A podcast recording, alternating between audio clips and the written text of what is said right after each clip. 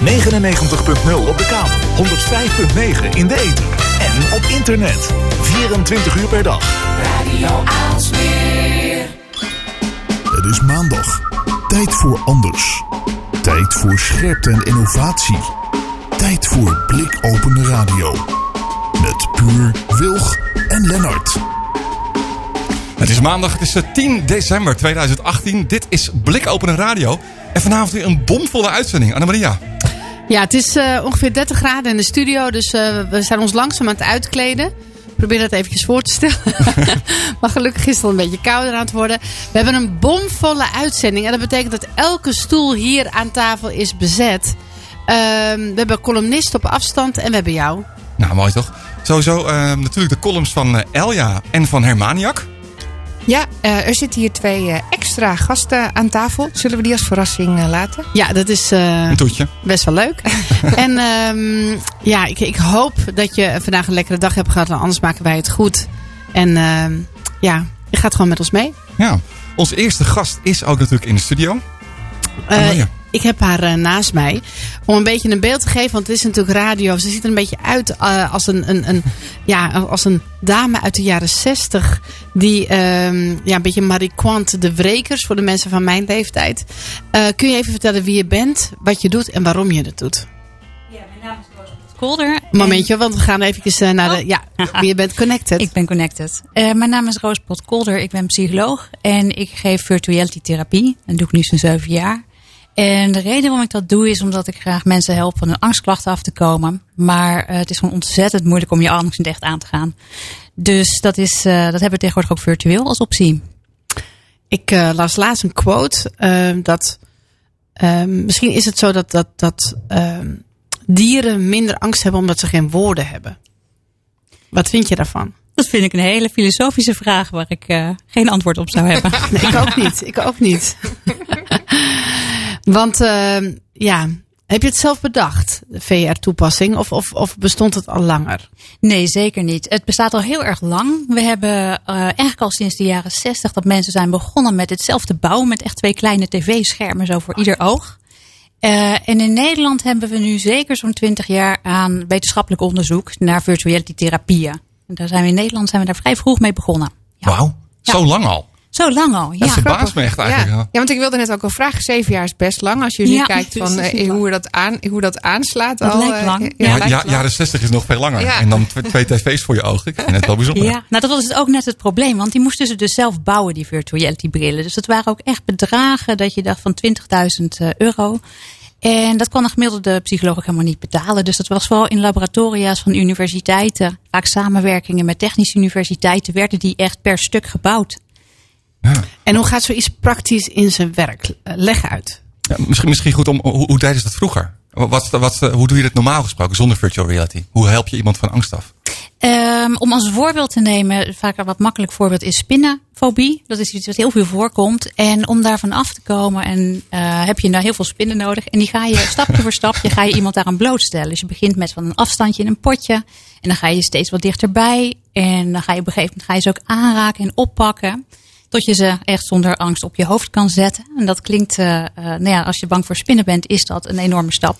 Wat mensen ja. dus ook vaak niet doen. Ja, met echte spinnen of met echte situaties. Dus een soort van je, je brengt ze in aanraking met hetgene waar ze bang voor zijn. Klopt. En wat je dan eigenlijk leert, en mensen weten vaak verstandelijk wel, ze zijn niet gek, ze weten verstandelijk dat ze niet bang voor hoeven zijn of niet zo bang voor hoeven zijn. Uh, maar dat gevoel dat gaat niet mee, die angst die blijft. En op het moment dat je mensen daar ook echt aan blootstelt en het laat testen en laat ervaren en voelen, dan komt dat gevoel mee. Dan gaat die angst zakken. Maar ik kan me voorstellen dat er dus angsten zijn of, of situaties zijn waar je mensen niet zomaar even als test aan kunt blootstellen. Klopt. En juist ook bij sociale situaties is dat ontzettend ingewikkeld. Um, en dat uh, om sociale situaties na te maken om precies te creëren waar mensen bang voor zijn. Dat was ook eigenlijk bijna niet te doen. Je rent de supermarkt door en je rent op straat naar oefeningen. uh, en dat is wel hè, hoe we het hiervoor deden. Uh, maar gelukkig kunnen we dat dus nu ook virtueel. Hebben tegenwoordig virtuele mensen. Wauw. Ja. En um, ja, je doet het zeven jaar. Wat is het meest geslaagde experiment? Als we het even gewoon even bedenken van nou, hoe gaat zoiets in zijn werk? Zonder dat je misschien uh, je beroepsethiek uh, laat uh, vermorsen. Want, want misschien kun je niet alles benoemen. Nee, zeker niet. Daarom. Ik zal voorbeelden ook wat anonimiseren. Ja, graag, graag. graag. ja. Ehm, nou, wat, wat heel mooi is, is um, eigenlijk een van de dingen die wij tegenkwamen met de virtuality therapie, is dat we, wij behandelen ook voor het onderzoek, hebben dat gedaan, uh, mensen met psychose, met paranoia, dus met een, uh, de verwachting dat andere mensen je pijn zullen doen. Um, en waar we achter kwamen was dat veel mensen eigenlijk, als wij konden als therapeut ook meekijken, terwijl mensen zo'n virtuality bril op hebben. En wat we zagen was dat mensen eigenlijk vooral vanaf de nek naar beneden die mensen aankeken. Of juist dus niet aankeken. Ze vermeden het oogcontact. Wauw. Ja, en dat is eigenlijk al een hele grote stap om dat te observeren. En ook mensen helpen die, uh, dat die vermijding te doorbreken en weer mensen aan te gaan kijken. En we zagen ook dat mensen daardoor vaak sociale informatie, veel meer sociale informatie kregen. Mensen veel minder spannend gingen vinden. Dus ze kregen veel meer uh, sociale informatie ook binnen. Dus dat was een hele belangrijke die we vonden. Maar dat ja. wordt natuurlijk een, een hele rare maakproces. Want, want kijk, nu, ik, ik heb het, het, het, het levenworstverhaal gelezen. Kun je misschien nog even het levenworstverhaal vertellen? Oh ja. uh, het levenworstverhaal, ja. klinkt wel heel spannend. dat is, was het ook. We hebben natuurlijk mensen, ieder mens is uniek. En ieder mens heeft ook zo zijn eigen unieke angsten en angstige verwachtingen. En zeker bij psychosegevoeligheid kan daar soms een bepaalde uh, betekenis aan een woord terechtkomen wat daar niet hoort. En dan hadden we inderdaad een meneer in de behandeling die bang was voor het woord leverworst. Voor het woord? Of gewoon voor, het woord. voor fysieke ja, leverworst? Ja, ook ja. voor de fysieke leverworst. Oké, okay, okay. ja. Uh, en wat wij gedaan hebben om deze meneer te helpen... was meneer in de virtuele supermarkt vooral uh, blootgesteld aan spannende situaties. Waar bijvoorbeeld werd omgeroepen... de leverworst is in de aanbieding deze week. De virtuele mensen in de supermarkt hadden het erover van... goh meneer, weet u misschien waar de leverworst ligt? Uh, de mensen achter in de rij van deze meneer vroegen hem ook van... goh, weet je waar ik nou zin in heb? Een broodje leverworst. En eigenlijk, we hebben meneer gebombardeerd met die angstige woorden en die angstige. Waardoor hij ook kon gaan merken en voelen van, oh ja, eigenlijk gebeurt er niks. En dat weten mensen vaak wel. Maar op een of andere manier moeten ze dat toch ook meemaken om dat te gaan voelen. En het mooie is dus dat het virtueel ook kan tegenwoordig. Ja, maar, maar dit is dus iets heel praktisch. Maar je moet best wel een goede bouwer zijn als je mensen bang laat zijn voor, een, voor een, een hele extreme situatie of iets wat heel moeilijk na te maken is. Dat, dat is best wel leuk ook voor zo'n bouwer, denk ik. Hebben jullie daar wel budget voor om bijvoorbeeld iemand die heel erg bang is voor uh, duizend en een dalmatiërs met, met, met vierkante stipjes bijvoorbeeld? Uh, ja, dat is nu inderdaad nog, de, de mogelijkheid is nu, nu nog beperkt. Ja. al die werelden en al die uh, uh, virtuele prikkels, zoals inderdaad bijvoorbeeld een dalmatiër, zouden moeten we laten bouwen. Ja, precies. Ja, voor je. Ja vierkanten. Het is een soort, een soort game eigenlijk dus dan. Ja. Een soort game engine of zo. Die je Alleen dan zonder het bijbehorende budget van game-industrie. Ja. Mm, ja. ja. wat, wat komt daar het meest voor dan? Wat, dat, welke omgevingen zeg maar, gebruik je het vaak? Nou, die wij gebruiken, wij zijn echt ons gaan richten. Uh, dat verschilt een beetje. Maar wij zijn ons in Nederland vooral ook gaan richten op sociale uh, angsten. Dus angsten die zich afspelen uh, in sociale omgevingen. En we hebben een supermarkt, een bus, openbaar vervoer. Zijn mensen vaak bang voor. We hebben een winkelstraat en we hebben een café. Wat leuk. Ja. En je hebt wat bij je. Ja, ik heb. Um, kijk, voor mensen die niet bang zijn voor zo'n bus of supermarkt, dan, dan kan ik dat wel laten zien, maar dat is niet zo spannend. Ja. Maar iets wat heel veel mensen wel uh, voelen, ook in hun lijf, is een uh, virtuele achtbaan. Dus die heb Ja. ik meegenomen. Ik heb ja. iemand met een Adidas eh, shirtje aan. Misschien dat hij eventjes hier kan plaatsnemen. Oh. Eh, dat, eh, dat is dan misschien wel leuk om dat live eh, mee te maken. Misschien kun je ook jezelf even voorstellen wie je bent en, eh, en waarom, eh, waarom je hier bent. Met een koptelefoon en alles. Ja, oh, handig ook nog erbij. Geen hamburgertje bij? Nee. Dit keer niet. Hoi, ik ben Puk. Hallo Puk, waar kom je vandaan? Uh, ik kom uit Haarlem. Oh, wat goed. En ehm hoe vaak heb je een VR-bril opgehad? Hmm, pas één keer in mijn leven eigenlijk. Oké, en was dat ook een achtbaan? Ja, toevallig wel Dat dacht ik al. Ja, meestal zie je dat dan. Uh... Maar misschien kun je even vertellen wat je zo meteen ziet en wat het met je doet. Ik, uh, ik hoor al hele mooie geluidjes eruit komen. En dan proberen we even de, de microfoon in je buurt te krijgen. Uh, wat maak je mee, Puk? Ja, ik zit in een achtbaan. Nee, je bent in de studio, maar vertel eens. Wat, hoe ziet het eruit? Ja, het is uh, een rode rails van de achtbaan. We gaan echt het langs de snelweg, joh. Oh, en we gaan een looping. Het leuke is dat, dat Puk ook nu uh, heen en weer Ja, volgens mij ziet het er heel raar uit voor jullie. Het is dus radio, dat scheelt. Ja, zodat hij echt alles mee kan maken. Moeten we je stoel bewegen, Puk? Het zou wel het ultieme effe- effect geven. Wat een soort eh, 4D-ervaring. of Ja. Oh, en weer een looping. In welk land zit je? Geen flauw idee. Ik zie wel heel veel wolkenkrabbers. Ben je, ben je bang voor achtbanen überhaupt of niet? Nee, nee, valt wel mee. Het is allemaal gratis dit, hè? Van uw belastinggeld? Oh, nee. Oh, mooi dit. Ja, ik krijg de factuur straks. Maar eh, is het beter de VR? eh, Of, of is VR altijd hetzelfde? Of is het beter dan de vorige ervaring? Ja, volgens mij wel. Nou, de vorige ervaring was sowieso echt al een paar jaar geleden. Dus kan me daar niet heel veel meer van herinneren. Maar dit ziet er wel gewoon best wel realistisch uit. Ik, ik denk dat hij ook gewoon dit blijft doen. Hij ziet er Ja, Kijk, hij houdt natuurlijk ook Hij nu houdt de VR-bril op. vast. Maar ik denk dat het, als je, als je hem echt op je hebt, op je, op je hoofd. Zie je, hij, gaat, hij begint nu weer opnieuw. Ik, ik was al bang. Ro- Ja, hij is Ja, nou je hij ziet er ook heel verdwaasd uit. Ja, je moet nu wel uitstappen. Je mag niet nog een keer blijven zitten. Ah. Wat doet het met je? Ja, weet je, het, het is gewoon behoorlijk realistisch. Maar je kunt je voorstellen, als je hier bang voor zou zijn, zou, het, zou je het eng vinden, denk je dan? Als ik hier bang voor zou zijn, dan zou ik dit wel erg eng vinden, ja. Dat kan ik me wel voorstellen. Ja, dat is precies wat je wil bereiken dan waarschijnlijk, Roos. Ja. Die even niet bij de microfoon staat, maar... Ja, ja, ja, ja. Oh, wauw. Wat, eh, wat zijn de. mm, we gaan even weer de wissel terug Ja. doen. Roos, wat zijn de standaard reacties van mensen die dit meemaken met angst? Hoe, hoe zorg je. Eh duct tape je ze vast aan hun stoel? Wat doe je op zo'n moment? Nee, zeker. Alles is op vrijwillige basis. Mensen willen vaak van hun klachten af. En eigenlijk beginnen we vaak met een lege wereld. Dus dat we het echt nog niet spannend maken. Dat we gewoon mensen even laten wennen aan wat het allemaal is en hoe je daarin eh, ook beweegt. Het zijn vrij grote ruimtes, dus wij maken gebruik van zo'n eh, gamecontroller om daar in die supermarkt rond te lopen. En dan vragen we ook gewoon aan mensen van, het verschilt dus per persoon wat, wat ze willen oefenen. Maar hoeveel mensen mag ik erin laten? Hoeveel mannen wil je dat ik erin laat? Hoeveel lachen. vrouwen? Ja. Oh, wat goed. Ja, en we kunnen die mensen dus ook dingen laten zeggen of dingen laten vragen. Aardig laten kijken of boos laten kijken. En, en, en dat is eigenlijk een soort gecontroleerde omgeving dan. Is dat een Dat onderdeel van? volstrekt Ja. heerlijk is dat. Ja. Ja. zeker ook voor de therapie is het heel fijn dat je gewoon controle hebt over die omgeving. Ja. Ik, ik dacht dat het heel standaard was. Van gewoon elke keer weer hetzelfde, hetzelfde riedeltje. Nee. Maar je hebt dus elke keer weer. oh, En jij kan controleren of iemand agressief naar iemand toe gaat. Of, of, Klopt. of- ja, als therapeut daar zit ik eh, achter de knoppen zit ik eh, de virtuele mensen te bedienen. Ja. een soort escape room. en ehm, ja, dat vind ik wel heel apart. Dat vind ik wel heel tof. Eh, geldt dat ook voor het echte leven? Dat je eigenlijk constant dingen moet doen waar je bang voor bent. Zodat je elke keer weer je, ehm, je, je, je, je comfortzone eh, groter maakt. En als je weinig doet wat, wat je angst geeft, dat je dan je, je leven kleiner maakt.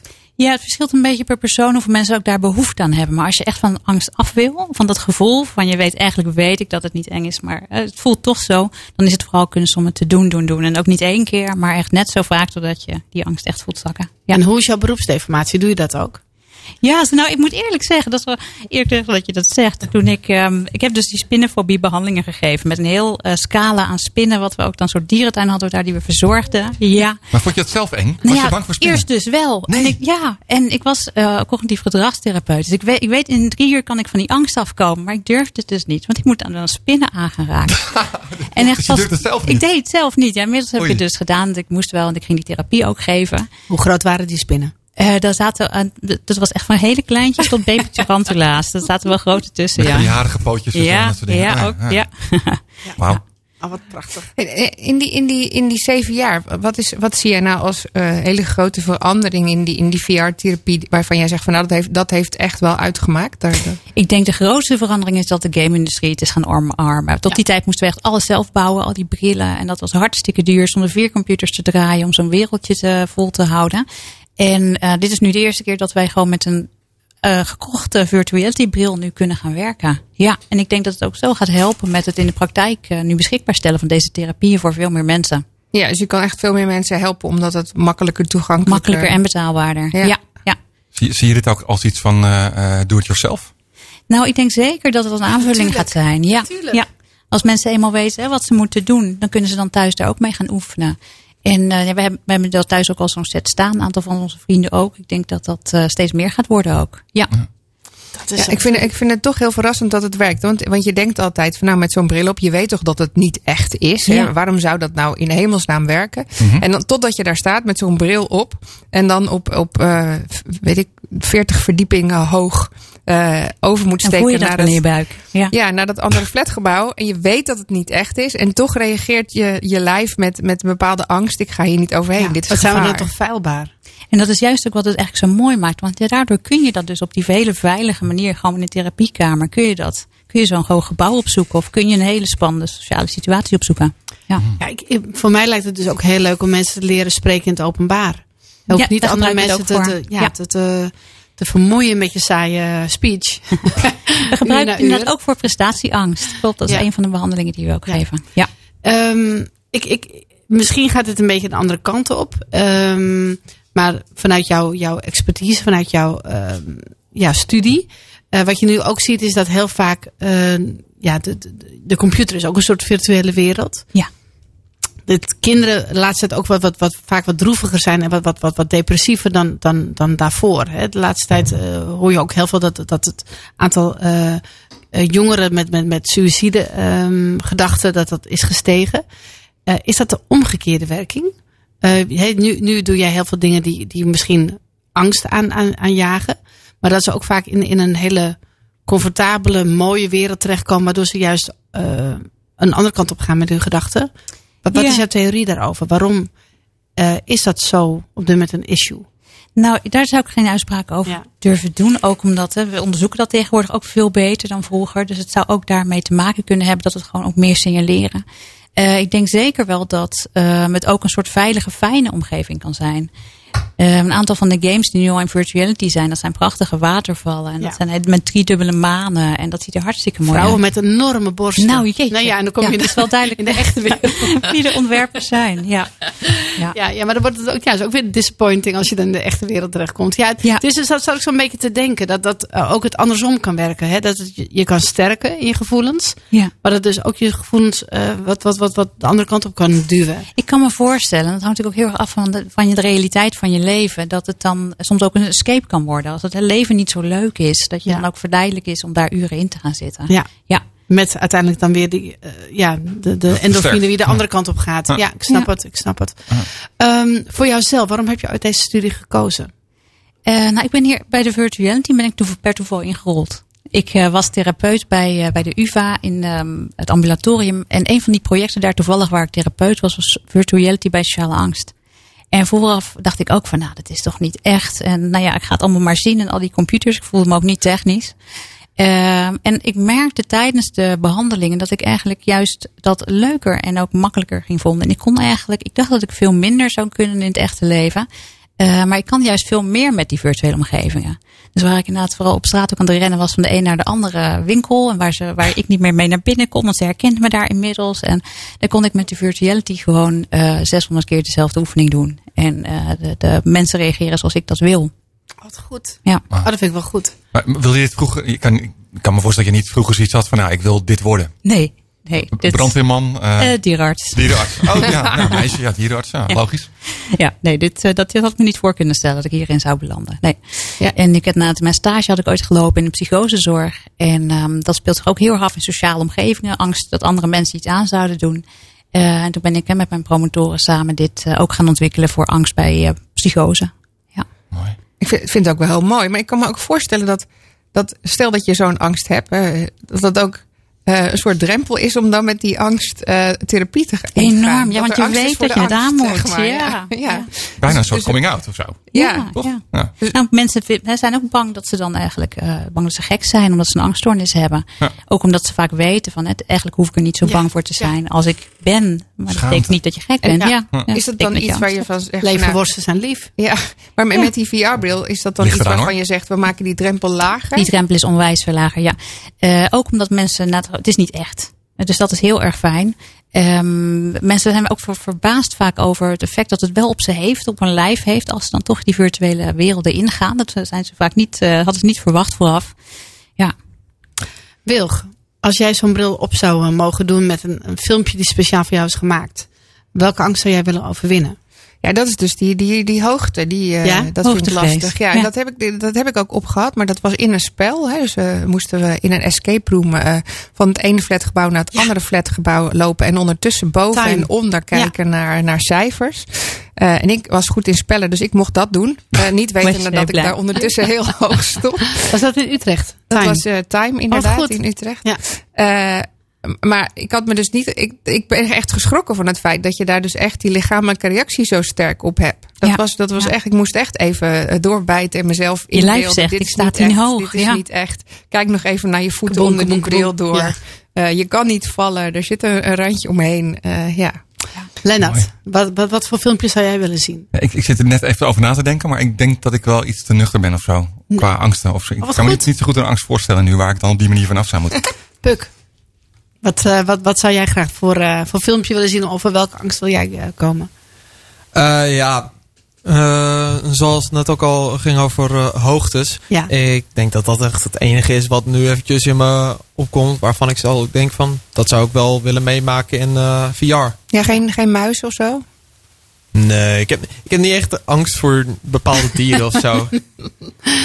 En Elja, jij bent hier ook onze columnist. Welk filmpje mogen ze voor jou op maat maken? Wat ik vroeger wel heel eng vond toen ik eh, klein was, waren van die hele grote golven. Ja?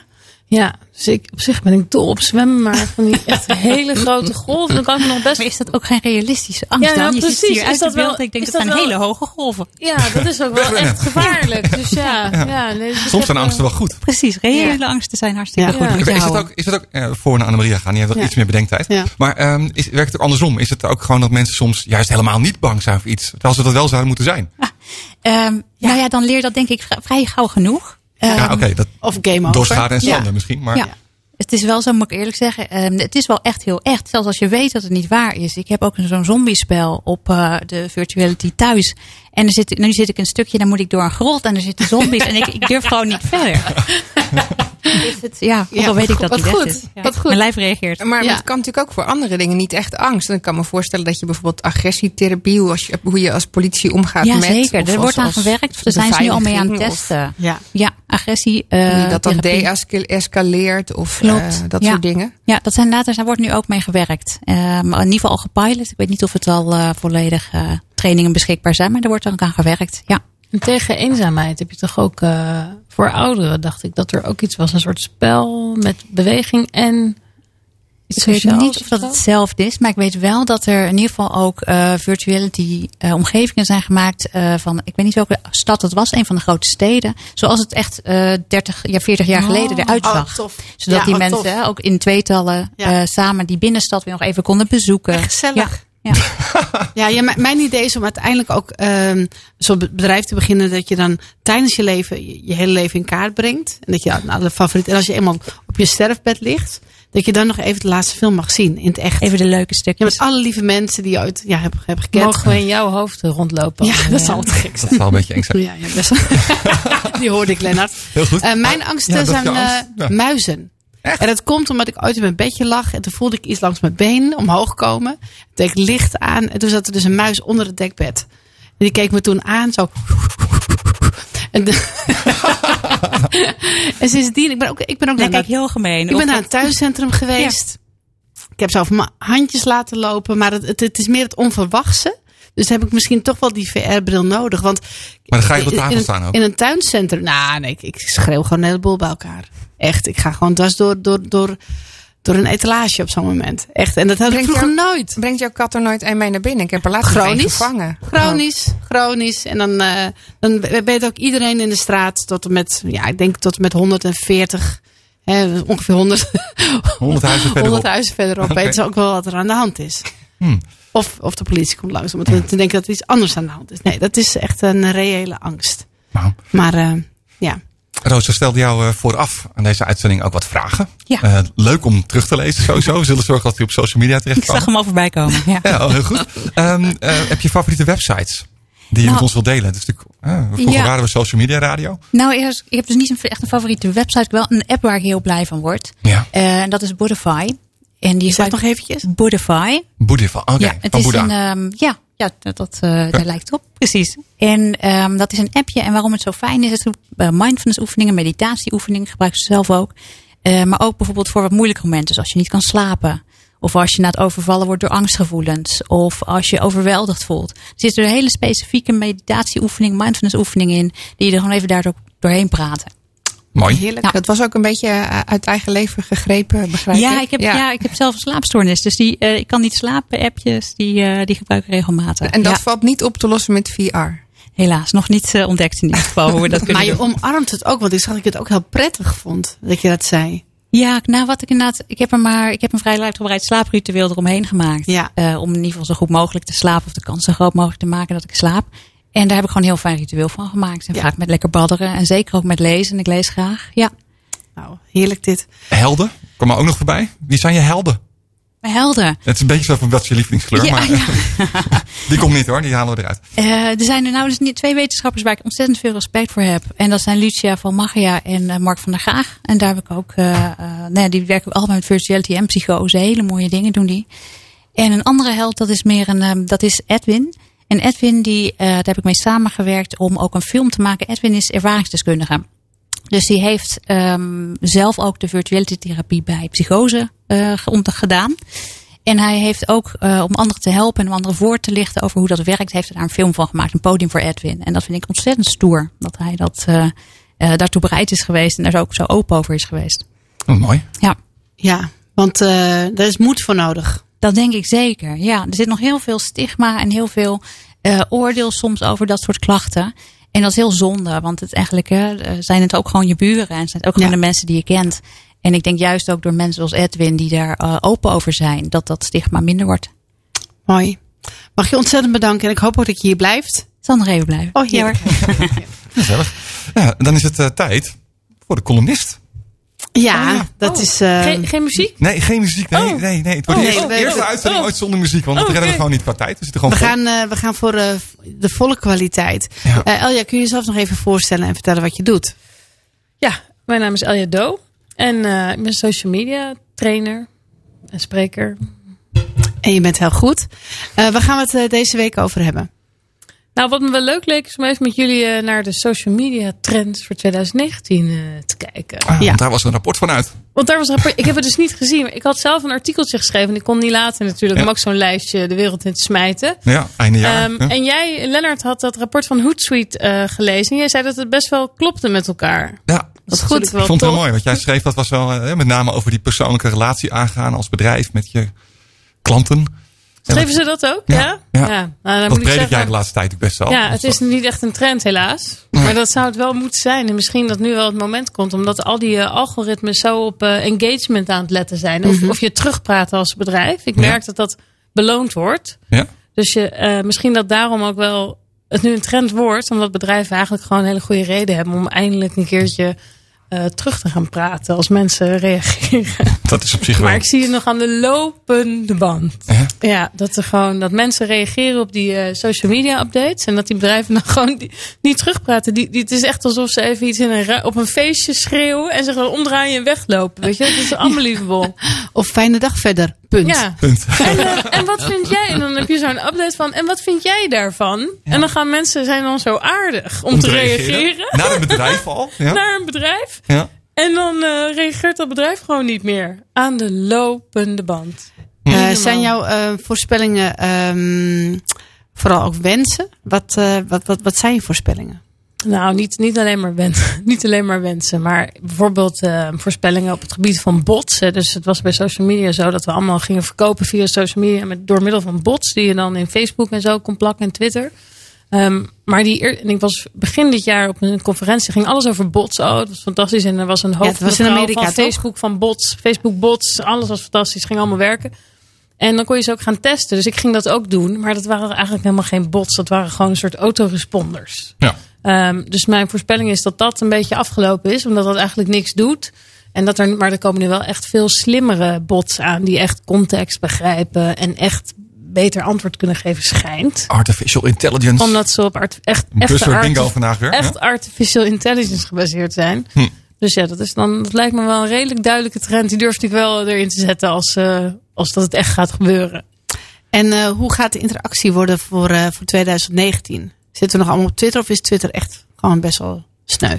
Nee, ik denk dus dat Twitter nog steeds heel belangrijk is en ook blijft. Want je kunt zeggen wat je wil, maar als er ergens een ramp gebeurt, of als er een eh, voetbalwedstrijd is of een Oscar-uitreiking, Ja. dan zit iedereen op Twitter. Weet je, en mensen weten ook gewoon, als je echt, als ik op een helikopter over hoor vliegen in het Ja. dorp waar ik woon, dan ga ik altijd. eh, Ja, en iedereen nog. zit dan Ja. van, eh, oh, wat is er aan de hand? Dan zeg ik, oh, laat mij maar even. En dan doe ik eventjes check wassen naar Letterlijk. helikopter. Hop. En, dan, en dan weet ik het gewoon. Net nog in de bus reden we langs Ja? de Aalsmeerderbrug. Vier brandweerwagens, iedereen achterstevoren in de bus. Zo. Even de P2000 Aalsmeerderbrug opgezocht. En Nou. ik had alle antwoorden. Dan weet je het. Of Ja. de file, weet Ja. je wel. Dit is wel een cliffhanger trouwens. hè. Ik hoorde A2. hem- File daar. Oh, het komt hierdoor. Oh, kijk, hier is een video van eh, de, de maar, oké, dat Ja. snap ik. Dat Nieuws. blijft. Maar ik heb het over sociale interactie. Over echt social.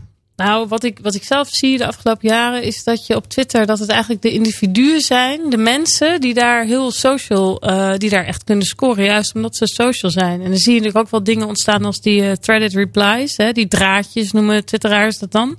En Twitter heeft daar nou ook zelf een format voor gemaakt. Dus dat geeft wel aan dat dat nog steeds Kun je eh, nog even uitleggen is. wat het is? Ja, een draadje is eigenlijk dat je eh, een één tweet eh, schrijft en vervolgens blijft reageren op je eigen tweet. En in de eh, layout van de Twitter-app ziet het, kun je het dan heel makkelijk als verhaal achter elkaar lezen. Maar dat is dus eigenlijk omdat die tekens, dat er te weinig tekens Nog zijn. steeds te weinig tekens Ja. zijn, ja. Maar hm. Het leuke is wel dat je toch heel beknopt informatie krijgt. En dat iedere tweet op zichzelf vaak ook alweer waarde heeft. Ja, Dus het is en een daarop soort, gereageerd wordt. en daar wordt ook weer op gereageerd. wordt ja, het dus- een soort boom. Ja, Ja. ja. dat zijn, dus dat wijst er toch wel op interactie, vind ik. Ja, we zeggen altijd van, ja, eh, elke keer ontdekken we weer een nieuw eilandje. Ehm, jij zei dat die eilandjes ook steeds meer eh, onder elkaar on- ons kent ons wordt. Nou ja, wat je natuurlijk wel ziet, wij zitten dan, eh, of tenminste bedrijven voor wie ik werk zijn, dan, die hebben allemaal een Twitter, een Facebook en een LinkedIn-account. Weet je, die beginnen nu op Instagram, maar ja, nu heb je Twitch. Zij, Ja, hier rechts van mij, ja. Coole zitten, zitten op, eh, op Twitch en zo. En daar is natuurlijk geen bedrijf nog te vinden, behalve bedrijven die in de gaming-industrie zitten of zo. Of, of start-ups misschien, die je wil gekend. Dus je ziet wel dat er nog steeds. En Twitch draait dan heel veel nog om, gewoon om live eh, gamen. Ja, dat is eigenlijk ook weer zo'n eilandje. Ehm, wat, wat de grote bedrijven dan op dit moment niet zien. Dus heb je allerlei eilandjes. En ehm, ik ga nog even naar Puk die naast je zit. Ehm, vertrouw jij dan eh, iemand ehm, op Twitter nu nog die met jou praat? Of, of, of, of is het allemaal te eh, oppervlakkig geworden? Eh, in welke zin? Ja, ik bedoel, ik ik heb het over het kanaal. Hè. Twitch had je het over. Ja. Is, is, dat, is dat directer? Want dat is een, een gameconsole, toch? Nee, is Eh, gewoon- nee, dat is... eh, Want ik weet Misschien niet wat het is. wat Ik weet niet wat het is. Ik weet niet Ja, wat het is. Twitch is gewoon een eh, platform waar je zelf kan livestreamen. Oh ja.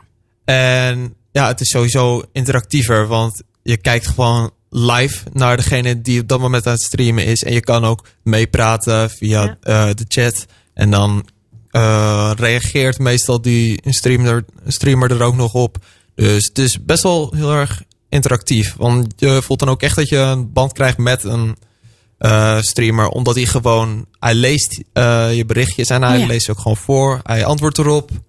Ja, je kunt ze ook betalen. Hè? Om, dat is heel gebruikelijk. Om ze dan te betalen om je naam te noemen. Of om een beetje Ja, ja, ja. mee te gamen. Oh, Ja, wat ja, lachen ja, dit. is een enorm verdienmodel. Dus dat is het, Dus je betaalt een het voor is een een soort. YouTube, maar dan is het meer voor livestreams. En dan met name gamen, hoewel je wel andere dingen ziet, eh ziet Ja, het komen. begon een beetje als eh gaming platform, maar nu is Twitch zich ook steeds meer aan het uitbreiden. En nu is het ook Ja. een beetje in real life content. eh, gewoon Ja. mensen die eh, letterlijk op de straat gaan met een Ja. camera. En dat dat ook gewoon daadwerkelijk live is. Ja, dus zo is het ook begonnen. Het begonnen door een van die oprichters, Kevin nog wat. En dat was dan Kevin TV geloof ik. En hij ging eh 24 uur per dag live zijn leven uitzenden. Wauw. Maar uiteindelijk bleek er meer geld zitten in het game. eh. maar wat je daarnaast ziet is dat mensen dan samen allemaal in zo'n Discord, eh, een soort chat-app Ja, groep ja, ja. gaan zitten. Waarin ze weer ook weer met elkaar en met die gamer kunnen praten. Super social is het. Het Ja. Echt heel sociaal. Is het Super zo, social, dat is, het een zo, goede, goede titel. Ja, ja nee, maar dat is het echt. Dat is het zo echt. gezellig? Of is het ook zoals nastiness?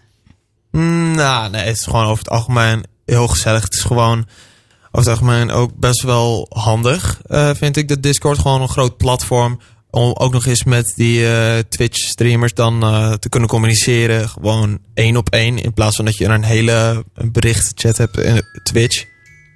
Sorry Oh. jongens. Als iemand die je telefoon Dat is mijn Even pacemaker. Kerstliedje ook, denk ik, of niet? Ja. Ga door, sorry. Maar eh, ja, dat dus in ieder geval. Het is gewoon... Discord is dan iets meer persoonlijk eh, dan Twitch. Maar Twitch vind ik over het algemeen ook wel best wel persoonlijk. Omdat het heel interactief is. Ja. Ja, dus dat zijn hele nieuwe werelden waar je nog nooit naar gekeken hebt. Maar waar, Nee. Waar, waar Nee, die trein die ik gewoon heb mensen- gemist, dat bedoel je eigenlijk. Nou, dat niet per se jij alleen. Ja, maar je bent niet een gamer, bedoel- Annemaria. Dus dat is niet zo raar. Nee, maar maar het misschien is niet kunnen meer vragen aan. Puk hoe oud hij is. Dan kunnen we dat Ja. ook een beetje... Hoe oud ben je, Puk? Eh, ik ben 17 jaar. Ik word over een paar dagen 18. Ja, weet ik. ja, wat leuk. Ehm, Heb je nog een, een, een trend die je voorspelt of voorziet voor het komende jaar, Elja, waarvan je denkt, nou, die moet nog even genoemd zijn, want dan kun je volgend jaar zeggen, zie je wel? nou, dat heb ik dus niet echt. Nee? Nee, nee, nee. Want je zou kunnen zeggen, ik zag net eh, een, een van social, ik volg zo'n website, social media, ik weet niet, social media, ik ben even kwijt hoe het heet, social media today of zo. En hadden ze ook de, social media trends, dat je, weet je, die je niet mag missen. En dan stond er van, Dat is gewoon clickbait. Er stond er zo eh, videocontent. En ik dacht echt, ja jongens, kom op nou, alsjeblieft, Ja. videocontent. Maar wat je wel volgens mij gaat zien, is Facebook is heel erg aan het pushen op eh, stories natuurlijk. Dus Ja. het lijkt erop dat over een jaar Facebook bijna alleen nog stories is. Het is nu niet goed voor te stellen, maar dat Excel ook trouwens, hè? Excel, nee, maar ja. Nee, dat is niet waar. Nee, Excel is niet waar, maar YouTube bijvoorbeeld heeft Ja. nu de eerste stories aan de eerste influencers eh, aangeboden. En LinkedIn is bezig met stories voor studenten met name. Dus alles, stories is helemaal een nieuwe vorm van content. Dus in die zin, ik word er aan de ene kant niet blij van. Maar aan de andere kant is het wel heel exciting dat content verticaal wordt en totaal anders, eh, totaal anders wordt dan wat we tot nu toe gewend zijn. In alle social media apps. Dus Grappig. ja, wat Doe, je, doe, jij er aan, Puk, aan stories? Eh, ja, over het algemeen wel. Maar ik eh, gebruik dan vooral Instagram stories. Het begon natuurlijk allemaal met Snapchat stories. Maar ik denk dat Instagram wel langzamerhand meer heeft overgenomen. Een beetje de top van de ladder. Eh, dus ik plaats ook af en toe gewoon, eh, als ik ergens ben, dan plaats ik dat dan op mijn story. En dat doe ik eigenlijk alleen in speciale gevallen als ik ergens ben. Dan denk ik van, nou, nu is het wel leuk om te delen. En na 24 uur is het toch weg. Ja, In de radiostudio of zo. denk je. Ja. Denk Ja. je, denk je. Dankjewel, Elja. Dankjewel, Elja. Ja. En dan eh, gaan we nu naar, eh, naar Puk, waarom hij eigenlijk hier is. oh jee. It's rewind time. It's rewind time. Eh, we hebben hier eh, Puk, omdat... Vertel eens even wat er aan de hand was eh, deze week. Ja, de YouTube Rewind was eh geüpload. Dat is natuurlijk iets dat elk jaar voorkomt. YouTube die uploadt dan een video waarin ze het hele afgelopen jaar samenvatten. En Dat, zo dat, kwam... dat lijkt me niet te doen al. ja, Alles van YouTube samenvatten? Nou, gewoon over het algemeen wat er is gebeurd in het eh, hele jaar. Maar zoals je inderdaad al zei, dat is echt niet te doen. Want Maar je had je er enorm op verheugd. ik had me er enorm op verheugd. ja, maar oprecht. Ik, Ja, ik weet het. ik dacht echt van... Bij mij thuis ook, die jongens. En hoe liep dat af? Nou, ik was gewoon heel erg teleurgesteld met het uiteindelijke resultaat. Want meestal zie je eh, met de YouTube Rewind dat, eh, dat het ook echt allemaal van die dansfilmpjes zijn en heel veel met muziek. En dan ook de daadwerkelijke YouTubers die dat jaar relevant zijn geweest. Ja. Maar dit jaar was het gewoon vooral alleen maar gepraat. En dacht ik van, ja, maar heel veel van deze YouTubers, die ken ik helemaal niet. En het zijn echt gewoon veel te weinig. Want normaal behandelen ze gewoon heel veel YouTubers. Maar nu was het echt veel te weinig YouTubers. En de YouTubers die eraan meededen, die waren niet eens... Ja, ik zou in ieder geval heel veel van de YouTubers niet kennen. Ik, ik, ik zat jouw filmpje te kijken. Het was echt fantastisch. En jij zei, ken ik niet, ken ik niet. en je had een lijstje van tevoren gemaakt van de dingen die je hoopte te zien. Wa- Wat was dat lijstje? Oh ja, ik heb hem nu niet eh, bij me eventjes. Maar over het algemeen, het- ik dacht van... Oké, dit zijn bepaalde punten waarvan ik denk... Die, zijn, die hebben best wel veel impact gehad eh, dit jaar op zowel YouTube als andere social media. Dacht ik van, nou, die moeten er wel in zitten. Er zijn ook zeker een paar punten die ik heb kunnen afstrepen. Maar er waren ook echt een hoop punten die er niet in zaten.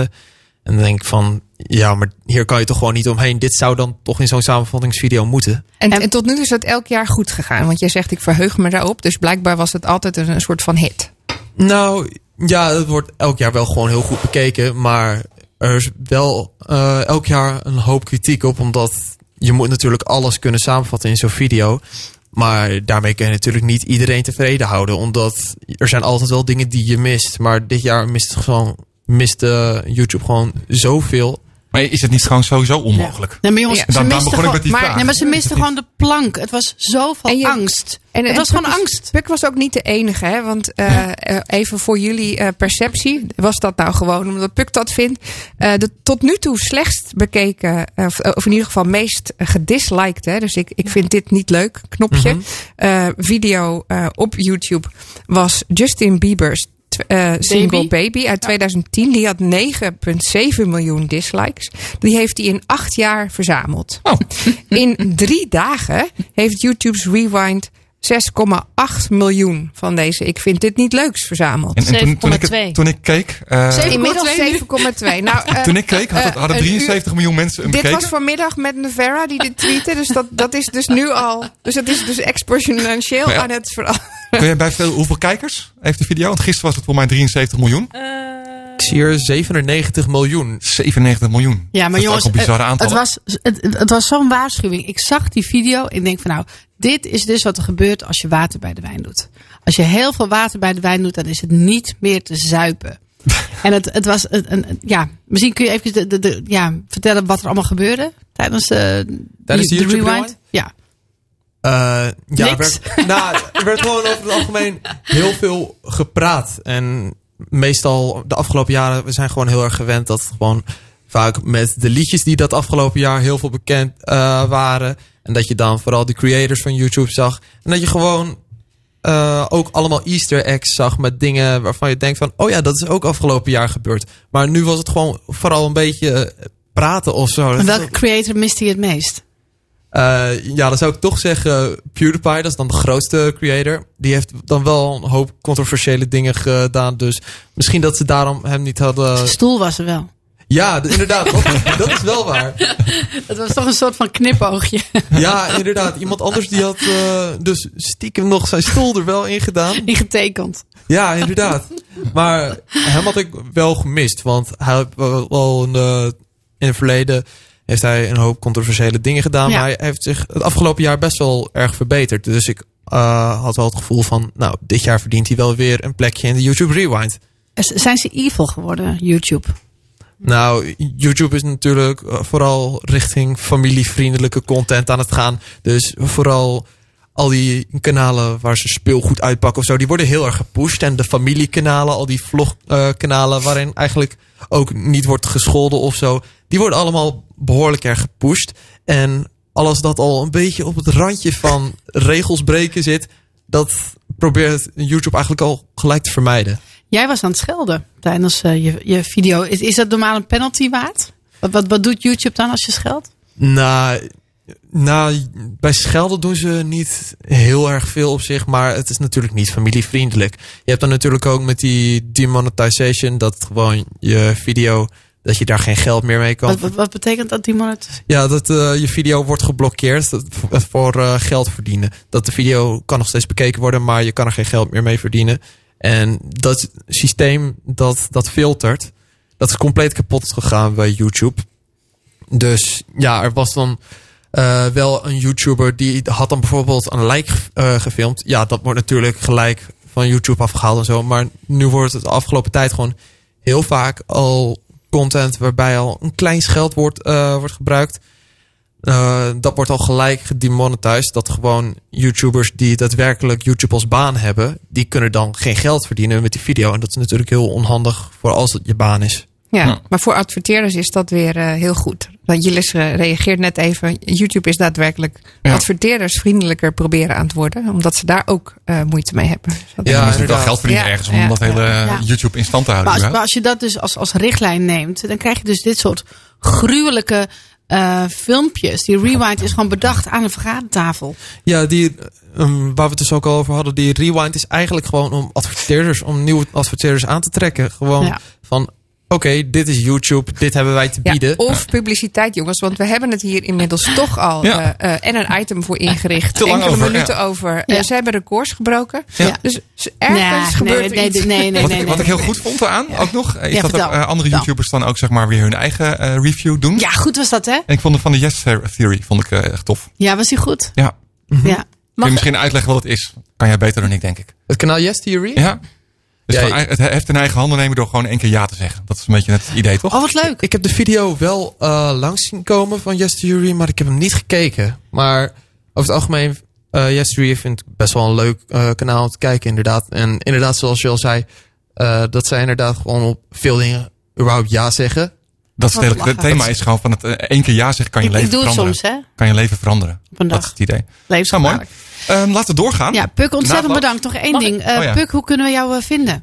Uh, op mijn YouTube kanaal. Ik ben een YouTuber. Uh, mijn kanaal is PUQ. Dus je kan het vinden op YouTube. Wat een goede naam. Dankjewel. Nou, en dat verdient echt veel meer, um, ja, veel meer aandacht dan tot nu toe. Ik, uh, ik vond het echt heel prettig om te kijken. Dankjewel dat je hier was. Hartstikke bedankt. Gaan we door met de Week van Wilg. Ja, en toch een soort live jingle. Precies, toch leuk. Die houden we lekker kort, want we gaan natuurlijk zo meteen ook nog uh, een, onze laatste columnist uh, bellen. we hebben het eerder in de uitzending gehad over um, de Insider, of de Inside uh, Marslander, hè, die dus na Oh ja. de, de andere rover uh, op Mars uh, succesvol is geland. Om nu te gaan kijken van kunnen wij ook uh, in en op de aarde van Mars iets zien? Kunnen we bijvoorbeeld um, aardbevingen voelen? Kunnen we boren dieper dan de oppervlakte? en die Marslander die heeft geluid teruggestuurd. Want die Marslander die is dus ingericht om met solarpanelen bijvoorbeeld ook die aardbevingen te, te, te voelen. En die heeft dus ook apparatuur en sensoren aan boord om dat nou ja, te, kunnen, te kunnen doen. Waaronder dus ook geluid. Dus jij wil zeggen dat wij hier nu de primeur hebben bij Radio Aalsmeer. Het staat, het staat op YouTube, maar... Nee, nee, maar ik bedoel hier dat we voor de eerste keer op Aalsmeerse radio we sowieso. kunnen horen. Ik kan je wel vast verklappen dat je heel goed moet luisteren.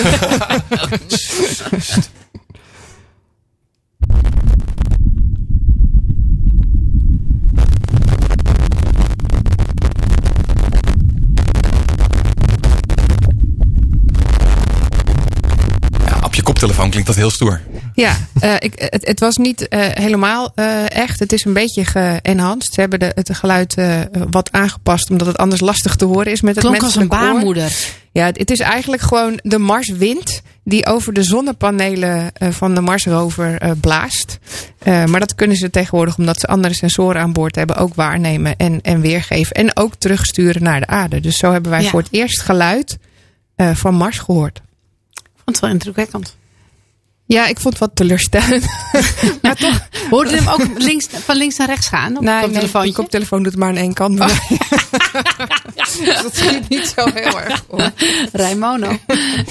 Eh, en eh, nou, dat, dat wilde ik gewoon laten horen. Ik vind het toch iets unieks hebben, jongens. We, Ja. hebben, iets, we hebben geluid vanuit Mars. Hoe knap is het überhaupt dat we dat kunnen meten op een andere planeet? En vervolgens ook terug kunnen sturen, zodat wij dat hier allemaal op aarde kunnen horen. Ik zie zo Elon Musk al in zijn bedje zitten die hele tijd dit zit te luisteren. Ja, El- Elon Musk moest overigens eh, huilen op tv Ja. eh, laatst. eh, hebben we voorbij zien komen.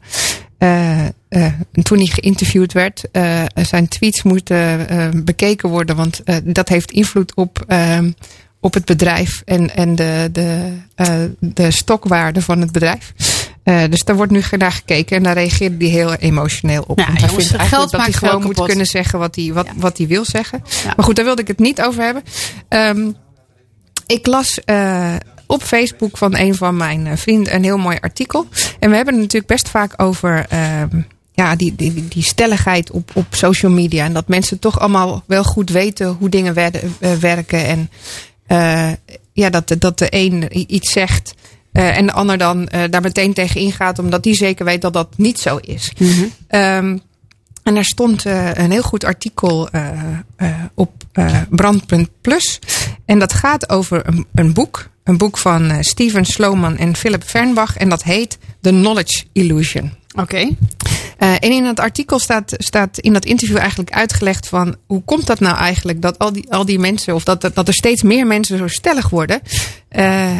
En en, en, en Ouderdom? we dat. Nou ja, nee, het begint eigenlijk eh, met de uitleg dat ehm, de wereld ook steeds complexer wordt. Eh, en hoe wij dan als mensen met complexe dingen omgaan. Maar ook met kennis. Ik snap het al. Te veel prikkels. Nou ja, het, het is eigenlijk zo dat we altijd al in een soort van eh, kringetje van kennis leven, schijnt. Dus we hebben groepen mensen om ons heen. Eh, en als ik dan bijvoorbeeld met die groep mensen aan tafel zit. en de buurman komt binnen en die vertelt over een fantastische wijn. en ik weet dat mijn andere buurman een wijnkenner is. dan ga ik ervan uit in mijn hoofd dat die andere buurman dat keurig opslaat. want hij weet veel van wijn. En dat hij daar genoeg kennis over heeft om dat te snappen. En ik vertrouw op zijn kennis Oh ja. eh, om daar een mening over te vormen. Ja, ik snap hem. En aan de andere kant is het ook zo dat wij van daarom dus van heel veel dingen denken te weten dat we weten hoe het zit. Ah.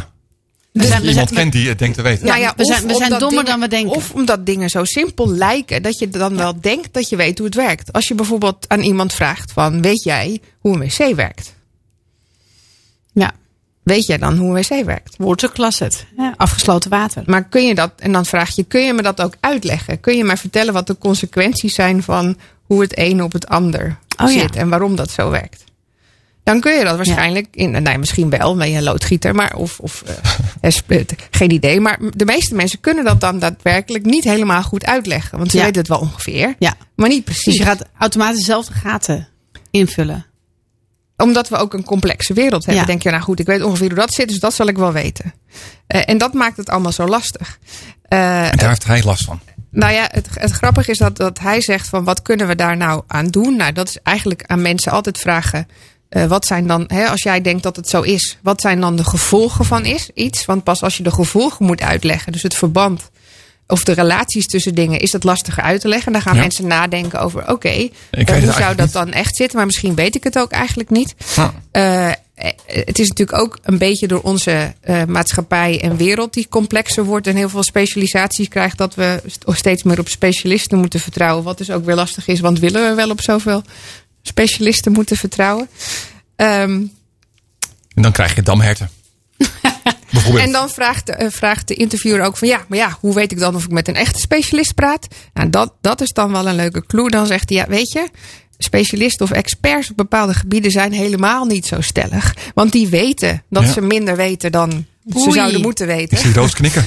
Eh, en, Ja, die, en nu nuanceren dus eigenlijk blijkbaar alles. Hè? Dus net toen Roos zei, daar wil ik eigenlijk helemaal niet een antwoord op geven, want Ja. daar weet ik niet Nuance, genoeg van. nuance. Dan weet je dat je met een expert spreekt, want die weet Ja, die is minder zichzelf stellig. Klopt, je zal Er zijn wetenschappers zoveel nooit horen complexe- zeggen het zit zus of ja, zo. Het is altijd nee. waarschijnlijk en mogelijk en we hebben wat de kennis die we nu hebben. Ja, en er zijn nog, er zijn nog conde- andere contexten die we, waar we rekening mee moeten houden. En het, het kan ook veranderen. Dus Geldt ook voor politici, hè? Maar dat is meestal omdat ze het niet durven te zeggen. Ja, misschien. Ik weet het niet. Er stond overigens geen, geen eh, antwoord op eh, eh, hoe moeten we dit oplossen. Eh, wel dat eh, vooral eh, die politici die toevallig nu heel stellig zijn, we zullen geen namen noemen, zich ook niet zo heel erg van wetenschap houden. En dat dat misschien Oei. toch wel. Nou, Ja. dat, is- dat is En- automatisch gelinkt aan populisme, toch? En ook gaan, gaan, gaan, simpel. gaan ja. Ja, maar zij zeggen ook dan, die mensen zoeken andere experts. Hè, waar, dus, waar je dus heel vaak zoekt naar een expert in de wetenschap. Omdat je weet dat die ge, ge- gecrediteerd zijn. Of in ieder geval Ja. eh, ergens een, een vinkje hebben van dat zit goed.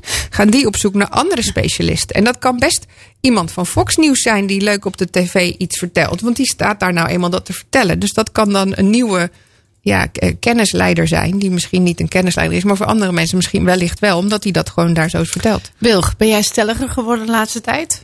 Nee, ik ben, heel, ik ben helemaal niet stellig. ja, ik ben, wel, ik ben wel stellig geworden omdat je soms stellig moet zijn om dingen te kunnen bereiken. Oei. Eh, maar in mijn vakgebied werk ik, merk ik wel heel erg dat je hoe meer je weet, hoe meer je weet dat je heel weinig weet. Oei. Maar in sales moet je stelliger zijn. Dat bedoel je misschien. moet je veel stel- stelliger zijn. ja. Ik las trouwens ook over Elon Musk gesproken. Eh, een van de oplossingen die hij misschien wel ziet voor dit probleem is dat hij wel naar Mars gaat. Dat hij de kans 70% acht dat hij zelf naar Mars toe gaat, las ik. Niet heel het kan toch ook, verder, het hoor, maar dat- toch dat ook zou in alleen het maar zo interview gezegd zijn, zijn. dat hij, dat, hij, eh, dat, hij, dat hij alles op alles zet en zoveel geld in, in Mars steekt omdat hij dat zelf zo graag wil. Dat is toch volgens mij pure passie. Ja, het is, ja, moet waarschijnlijk wel. Maar wel bizar. Het is heel bizar, ja. Ja. ja. Wat ook bizar is, jongens, is dat dit de laatste uitzending is van dit jaar. Is dat Toch? zo? Volgens mij wel. Ja, Volgens mij Of hebben we volgende week nog een volgende uitzending. week- volgende Hebben we nog een uitzending. Oh, gelukkig. Oké, want ik dacht Het is dat wel we de laatste uitzending zonder Hermaniak, want die is ziek. Dus Oh, die app net dat hij ziek is, dus we kunnen Wat niet naar hem toe vervelend. schakelen. Dat is. Eh, normaal neemt hij de telefoon ook op met Hermaniak. En ik dacht dat ik een verkeerd nummer had, maar dat was dus niet zo. Oh. Hij was dus echt gewoon ziek. Dat is alleen maar goed, want dan kunnen we nog even een laatste rondje doen. Ehm, met eh, tips voor de mensen voor, eh, ja, voor de komende herfst- of kerstvakantie dat je Ik had een hele niks te doen hebt. Eh, ja, heb je een goede tip Ja, voor ik vond ons? het een, hele- een mooie blikopener. Ehm, dat was, ik was eh, kledingkast aan het eh, opruimen. Wel. iets met afvallen en dingen en noem maar dat. dingen die eigenlijk gewoon te groot waren. En ik denk van, nou, wat moet ik daar nou mee? Hè? Wil ik dat in een, een zak van Max flikkeren of iets mee doen? Maar dat Ja. vond ik eigenlijk niet zo'n goed idee. Toen kwam ik tegen online eh, Dress for Success. En die zit onder andere in Amsterdam. Dat is een stichting. En die zamelt nette kleding in voor mensen die te arm zijn om kleding te kopen. Om in te solliciteren. Oh, wat goed. Dus daarmee help je eigenlijk mensen aan een nieuwe baan. En toen dacht ik van, eh, wauw, dit is echt heel erg goed. Daar was ik best wel door geraakt en dat ben ik gaan doen. Ga je ook vanuit dat je ze niet meer nodig hebt? Nee. Dus je blijft zo, zo, zo, zo goed in shape als nu. Zeker. ja, dat is een stok achter de deur. Maar, goed voornemen. maar, maar gewoon dus, het, ik heb een hele kast, echt twee vuilniszakken vol met spullen Ja. daarheen gebracht. Waarvan ik dacht, nou, je kan iemand prima in solliciteren. En hoe zag het eruit daar? Het is gewoon een goede winkel. Ja. Het ziet eruit als een nette winkel. En die mensen worden ook behandeld als gewoon, nou, je komt kleding aanmeten. Maar ze krijgen het. En ze hebben dit jaar, vertelde die mevrouw, eh 1100 klanten gehad in Amsterdam. Dat vond ik best wel veel. Nee, dus 1100 mensen die eigenlijk geen geld hebben om niks te kunnen solliciteren. En als ze die baan krijgen, hè, dat vraagt natuurlijk ook, van Ja. kom even terug dan als je inderdaad aangenomen bent. Dan mogen ze nog een keer een setje kleding eh uitzoeken. Tuurlijk, want anders valt het Want- op als je elke keer dezelfde kleding komt. Ja, precies dat. Dus dat vond ik goed. Eh, dressforsucces.nl. Oh, goed. heel mooi. Wat Ja, goed, wat ja. goed. Een beetje de kerstdagen in het vooruitzicht. hè. Ja, ik heb een beetje een offline eh, tip voor de kerstdagen. En, en die las ik eh, in ons plaatselijke Nieuwe Meerbode. Dat is de, het Aalsmeerse eh, Suffertje. su- suffertje, blaadje. Eh, onze lokale politieagent, die we wel eens ook in de uitzending hebben gehad, Erik van der Brun, die vertelt daar over zijn eh, familietraditie. Eh, elk jaar hebben zij kerst met heel veel mensen aan tafel. En hij kookt met zijn broer heel graag. En zij vragen aan de familieleden of ze iemand mee willen nemen waarvan ze weten dat die anders alleen thuis zou zitten. En hoeft helemaal niet een oud iemand te zijn, maar kan ook iemand zijn die door scheiding of andere oorzaken in zijn eentje zit. En die mag dan aanschuiven. Eh, en dat vind ik eigenlijk wel een hele mooie. En wij hebben hem eh, inmiddels geadopteerd en we zijn hard op zoek naar Nou, iemand die alleen Wil de er, wil afwas. er iemand aanschuiven, jongens? Nou, gezellig. Nou, we hebben nu een oproep. Nee, maar ik vind dat wel heel mooi als we dat nou allemaal doen. Dat is dan toch wel een soort van eh, de, de verbinding eh, die we weer eh, offline kunnen maken. Mooi. Oh, dat vind ik ook wel mooi. Ja. Oei, nu moet ik een goede tip geven. Ik, ehm, ja, ik, misschien dat de jongens daarbij bij, bij kunnen helpen. Ik ben nu een, een, een YouTuber aan het volgen en die heeft prachtige ehm, eh, theorieën. Hij is echt heel, heel leuk. Hij eh, werkt samen met de Mythbusters, die gast. En ehm, laatst had hij ook de, de Fibonacci. ehm ja, weet, weet, je wie, weet, weet je wie hij is? Hij, hij, hij, is? hij kwam ook bij de YouTube Rewind. Nee, kwam je niet voorbij. Eh, misschien als je een naam zegt. Ik, Ja, dat is Ja. het juist. Hij, hij, hij, hij- hij heeft een, een, een, hij heeft hele droge kost wat hij, wat hij aan, aan, aan, aan YouTube's heeft. En er zijn vaak hele mooie theorieën. Het is niet Maar- Colin Firth. Misschien. Nee. Misschien. Nou, maar in ieder geval, een van zijn prachtige dingen. Jongens, dit gaat misschien een beetje te ver om dat in één minuut te zeggen. Maar er is dus een, eh, een bibliotheek. Als je een plaatje hebt, dat bestaat uit pixels. En eh, allerlei soorten combinaties van pixels zitten in die bibliotheek. Dus als je een foto maakt, dan bestaat die foto eigenlijk al in die bibliotheek. En dat betekent dat als ik dus een foto maak, en dan kan je ermee matchen hè, dat het er is. Maar dat betekent ook dat er al een foto bestaat van hoe je eruit ziet over 20 jaar.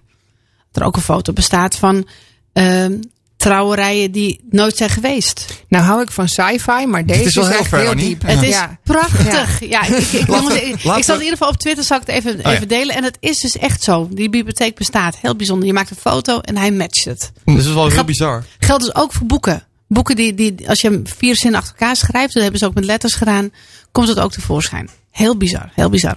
Mm. Heeft iemand nog een mooie tip? Welke YouTuber moeten we volgen? Puk. Ja, Ja, Puk natuurlijk. PUC, PUQ op eh, YouTube. Ja. ja ik, ik vind Mr. Beast vind ik wel een Ja, leuke die is goed. om naar te kijken. Ja, die is goed. Mr. Beast, die doet hele rare challenges. Volgens mij heb ik het al een keer over gehad, een paar weken geleden. Jongens, mag ik jullie allemaal bedanken dat jullie helemaal hier eh, in deze heerlijke, coole studio zijn gekomen. en eh, ja, we zijn terug te luisteren op www.radioasmeer.nl. Ook de afgelopen jaren. En eh, wat fijn dat je er bent. Jongens, bedankt en tot volgende week.